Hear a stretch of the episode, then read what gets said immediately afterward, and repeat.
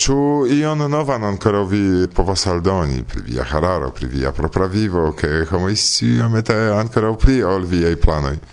do mia hararo kreskis. Kiel estas vivi kun tiu hararo? Ĉu estas facile aŭ malfacile? um, nu, mi devas constati che en la comenzo estis pli facila dormi con ili, sed ili estas nun tiel longai che quel foi estas iom gena kai anko se vi oni duschas jes eh, la tuta aquo estas malliberigita en la hararo kai eh, ci uh, pesas kiel uh, elefanto jes. Sed uh, tamen uh, mi mi ne povas imagi mondon jes sen miaj feldharoi John, vi havas uh, okazon paroli al esperantistoj la tuta mondo kiel ciam, ĉu ne? Do via momento por diri ion al homoj kiuj ŝatas vin, kiel ne konas vin, ĉu ne, al esperantistoj ĝenerale ĉie, kie ajn ili estas. Do eble por la komencantoj uh, eh, laŭ mi la plej bona vojo estas vidi la aferoj kiu vi bone kapablas. Ekzemple uh, eh, ekzistas eble kelkaj homoj kiu bone povas memorigi tekston, do ili lernas plej bone Esperanton kun libroj aŭ io. Kaj mi estas homo kiu lernis Esperanton uh, aŭdi kaj aŭskulti.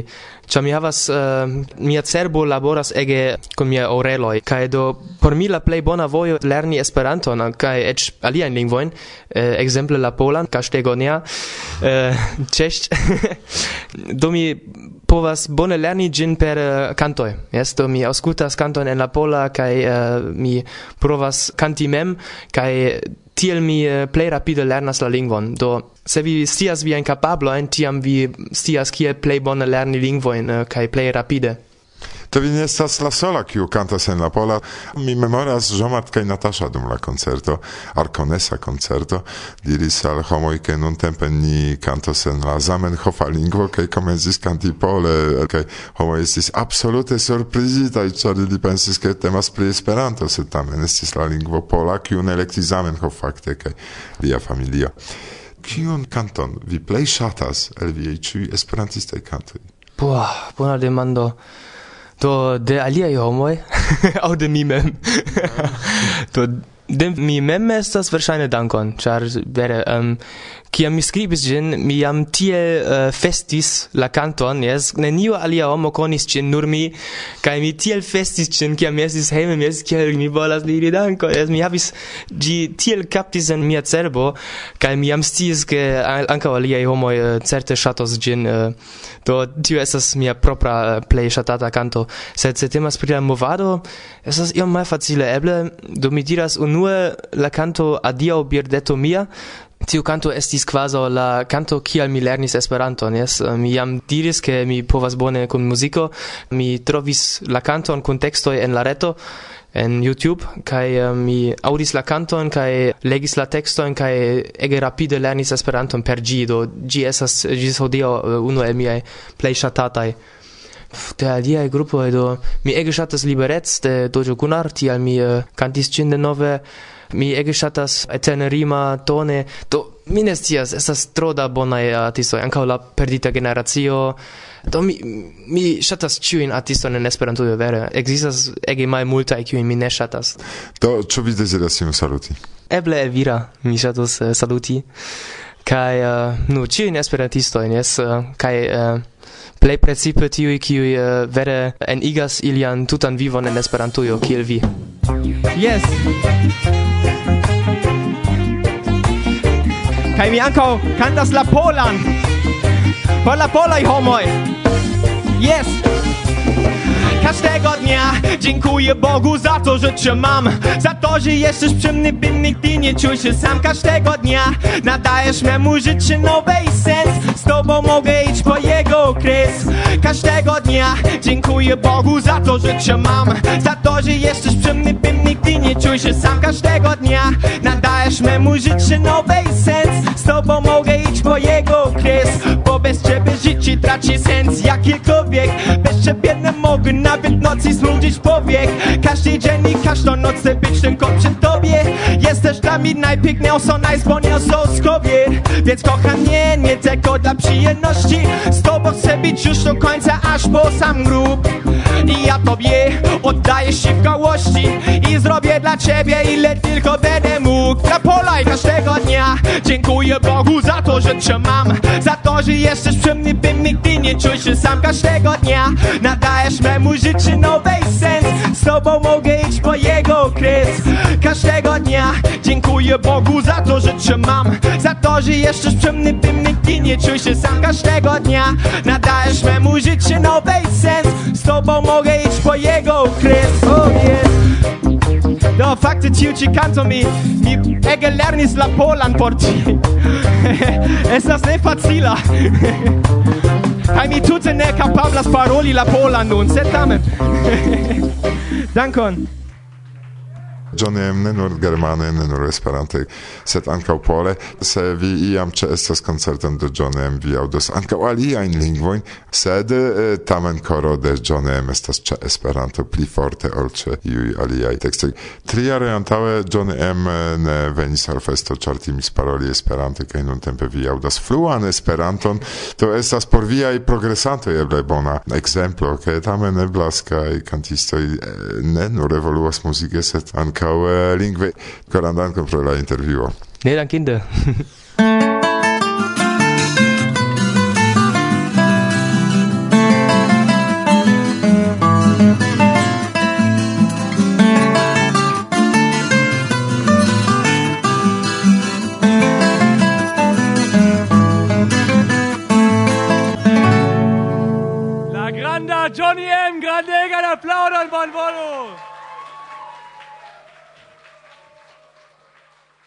Varsovia vento, bla bla bla. Miau. Laste iomete mi enuigis, kai tre rigardis miajn libroin, kai jen mi travis ion interesan, kio vecis min. Tio interesa nomigas Ora Libro. Tio libro estis eldonita okaze de jubilea kongreso en Varsovio. Ne tiu lasta jubilea, sed antau la dua mondmilito. Kai kion mi travis interesan, auskultu mian opinion pri la pluai quindec jaroj? Tre simpla. Multo dependos de tio, kion electos la esperantistoi kiel celon de sia agado. Ču, sen česa batalado pri organizei problemoi, absolute bagatelai rilate al tut mondo. Ču, inteligenta uzo de Esperanto por utilei servoi al homaro? Unu vorte, ču disputi pri malplena skatolo – ĉu kunlabori por krei valoran enhavon. Kaj kion vi pri tio, homoj? Laŭ mi trafa, ĉu ne? Kaj ĉu vi scias, kiu tion skribis? Eble multe de vi aŭdis jam la nomon Edmond Priva. Li eksciis pri Esperanto en 1903 jaro, kaj jam tri jaroj poste li faris longajn propagandvojaĝojn tra Usono, Anglujo kaj Francujo, sekve ankaŭ al Ruslando kaj Mez-Eŭropo. Imagu, Li estis la plej juna partoprenanto, nur dek sesjaraĝa, de la unua universala kongreso. La duan li jam organizis mem. Privaiĝis prezidanto de UEA kaj iniciatis multajn konferencojn pri lernado de Esperanto. Sed por mi, pro agado en Varsovia evento, unu el la plej grandaj meritoj de Edmond Priva estis la enkonduko de esperantlingvaj elsendoj post la dua mondmilito. Ĉesfisa mallongonda radio. Do, mi povas fieri pri daŭrigado de liaj streboj disvastigi Esperanton ĝuste tia maniere. Kiel en nia himno tra la mondo iras forta voko, ankaŭ radia. Bla bla bla. O oh, bone bone bone. Kasiecho. En la himno estis En la mondon venis nova sento. Tio estas Varsovia vento. Cre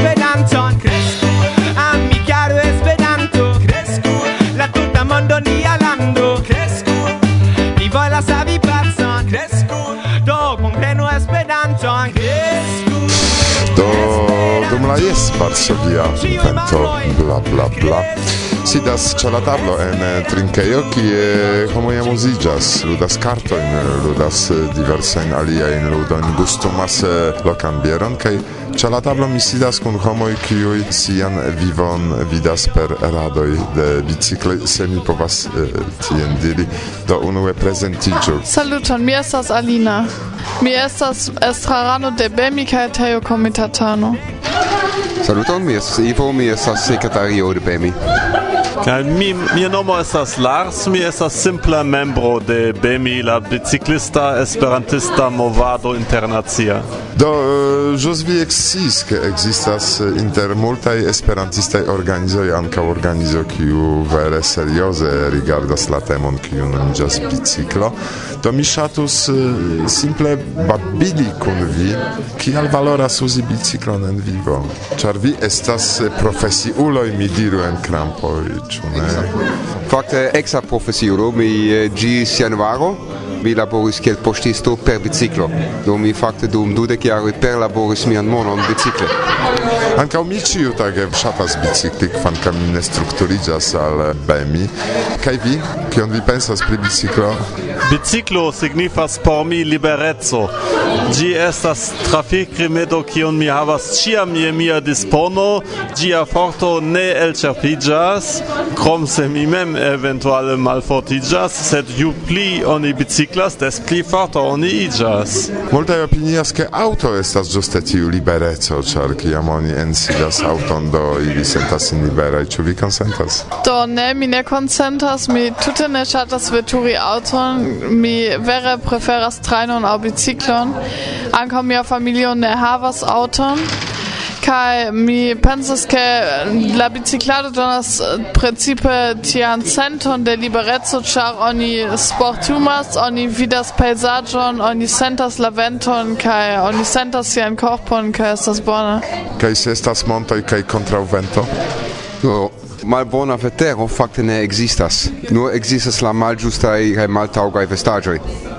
Kaj se vi vojaĝas ekzemple per auto vi sidas en via propra skatolo, tute forschlossita de la mondo. Se vi estas su via biciclo, vi sentas la tuta mondo circo vi, ca vi anco estas multe pli facile alparolebla de la locanoi, do vi multe pli comprenas de la lando tra kiu vi biciklas, ĉar vi simple povas komuniki kun ilin kaj ili povas komuniki kun vi. No, mi ne vidas tiel grandan kontraŭdiron inter uzo de automobilo kaj uzo de biciklo. No, estas certe um, celoj por kiu automobilo estas pli praktika, sed um, no, ankaŭ mi mem mi ŝatas ŝofori, tio ne estas problemo por mi.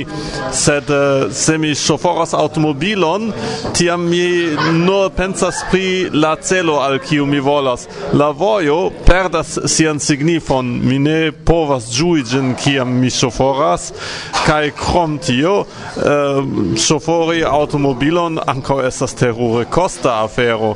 Per biciklo mi povas ĉion fari per tre tre eta budĝeto kaj tre placas al mi ke mi povas halti ĉie ajn ke mi vidas ion interesan kaj tiel la vojo mem fariĝas celo de la veturado unu jaron antauen, do unu jaro kaj duonon fakte en Kemis, mi estis ege surprizita pri vi, Aline, ĉar mi eksciis de Ivo, ke vi iĝis grava persono en Bemi organizo, do kial vi tiel juna knabino decidis esti aktiva en tiu ĉi kampo?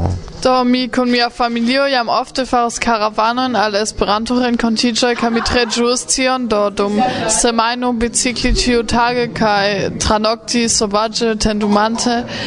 Mi tre ŝatas kiel oni en tia vojaĝo mem zorgas kaj ekkonas la ĉirkaŭaĵon kaj la landon. Mi tre ĝus tian aventuron, tiel mi aktiviĝis en Bemi, mia patro organizis karavanojn kaj mi ekkonis Ivo kaj la aliajn. Mi membriĝis en Bemi, do tiel okazis. Estis simple per la karavanoj. Auscultantoj vin ne vidas, mi vidas vin kaj konas, auscultantoj ne vidas vian junan vizaĝon, kion da jaroj vi havas, ili eksciu simple. Mi estas dek ses jaraĝa. Ĉu vi aŭdas dek ses jaraĝa knabino? Kion vi rekomendus al eh, viaj samaĝanoj aŭ eĉ pli eh, aĝaj por turni ilian atenton ne pri aŭto, sed pri biciklo ĝuste? Do por vojaĝi al Esperanto renkontiĝoj bicikle estas tre bela eh, kaj tre eh, interesa maniero kaj oni ankaŭ ne devas uzi multe da monon. Estas tre malmultkosta maniero vojaĝi kaj mi nur povas rekomendi ke oni aliĝu al karavanoj.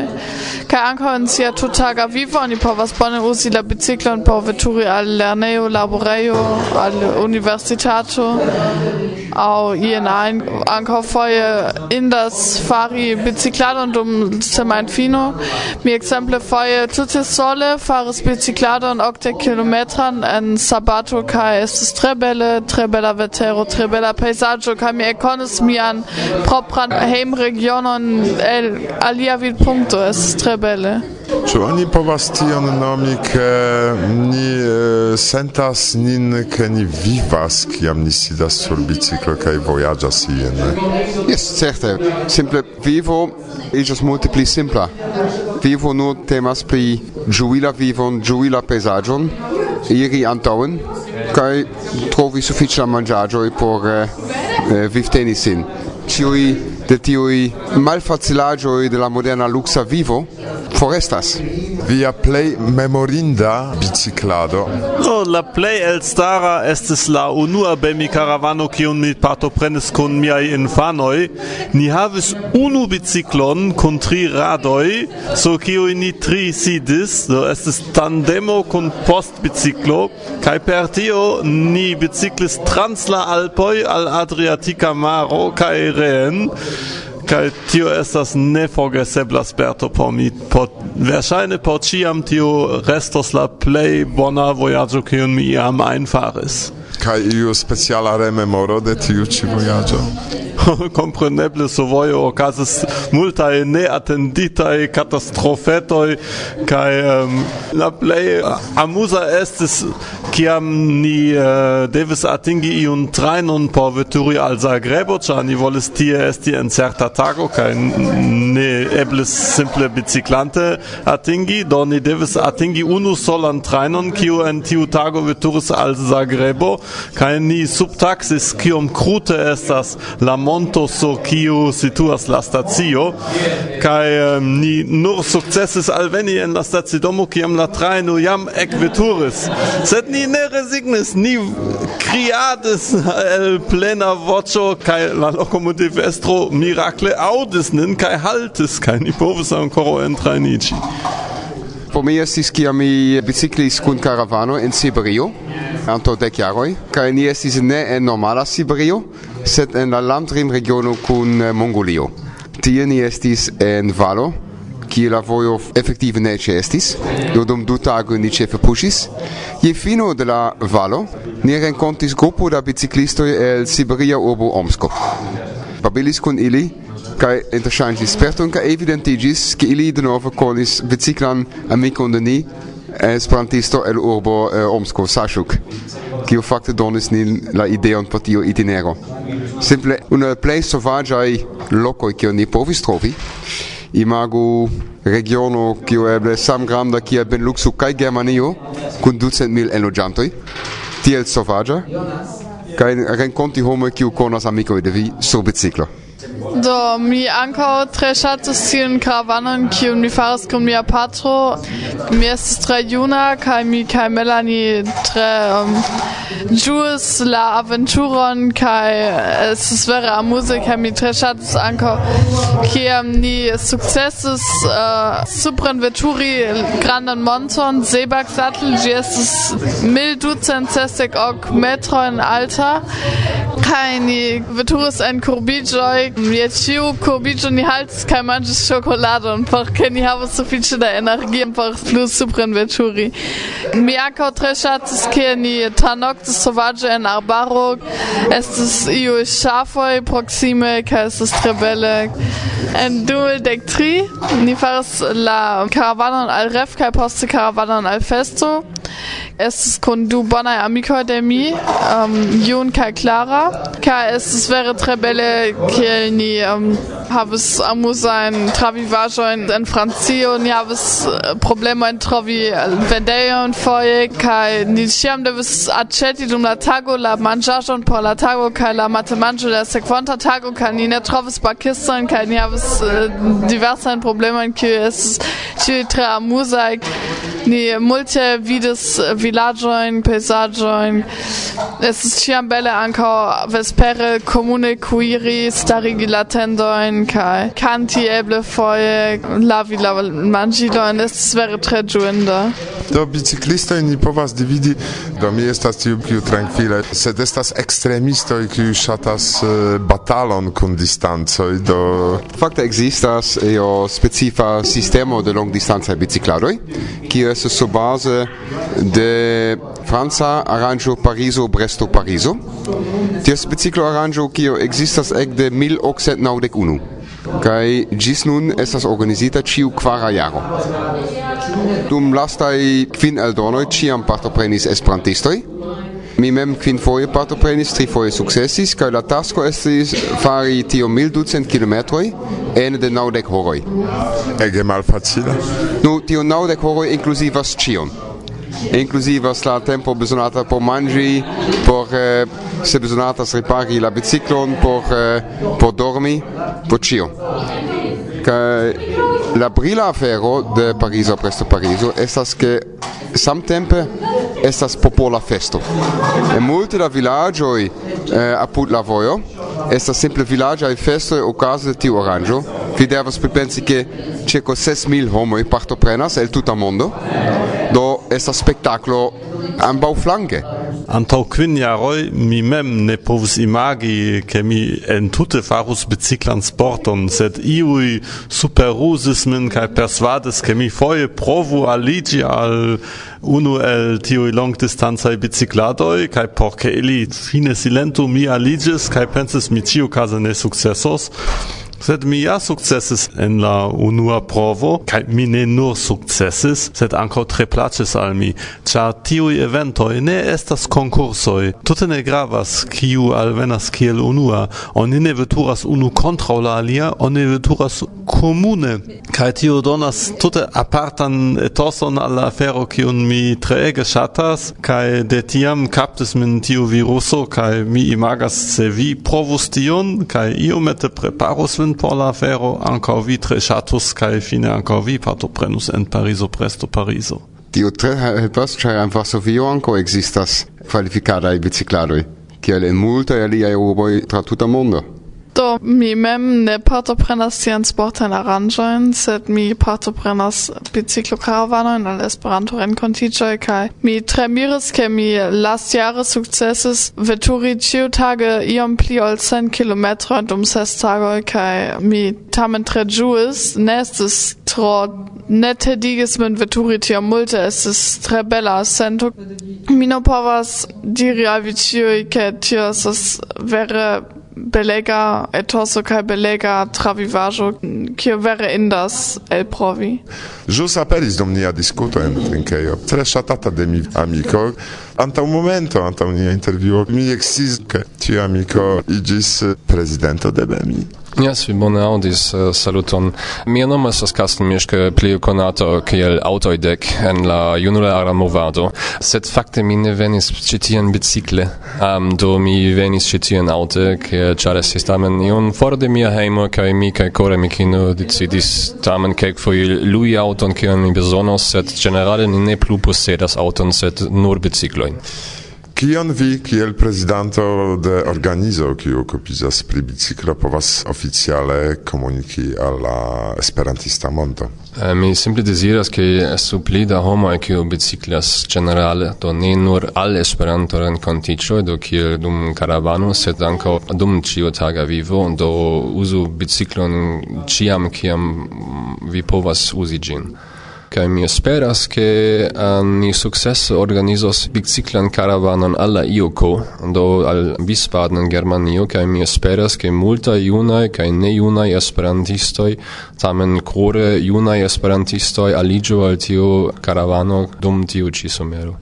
Se vi havas biciklan, ne vere uzas ĝin kai non aŭskultis tiun intervjuon kai komencis pensi ĉu eble dum somero mi lasu auton Sciu ke ĉi tie mi sidas en kompanio de tre simpatiaj ege malfermaj homoi, kiuj aspectas ordinare, sed se vi trovos vin en ilia rondo, vi sentos grandan amicetson. Do korandankon pro tiu ci nelonga interparola en trinkejo, kiu tranquiligis nun tempe, do shaine vesper mangio aperis. do Irek interparolis kun Alina Ivo. Aŭto de Xenauto. Kai Lars.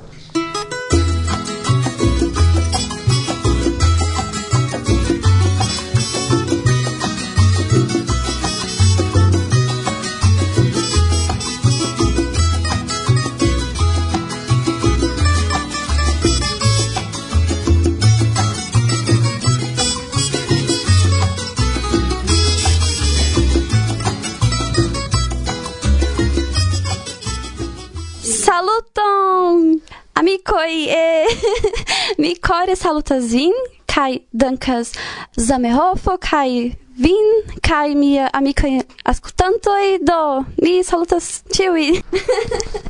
ni tre gioias che ni povis gastigi vin dum tiuj tagoi kaj mi volas danki al vi pro vizito en mia laborejo. Mm, agrable estis por ni vin viziti. Plezuro estis ĉe mi. Do mi mi kore dankas vin por gastigi min. Do bone bone bone.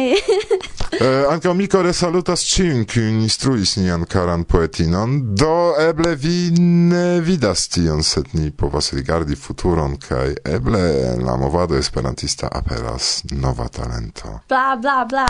kaj tio estas cio en la hodiaŭa programo. Varmain, kvazaŭ printempajn salutoin al vi ciui. Spontane mi gisas vin. Gis! Gis! Cheers.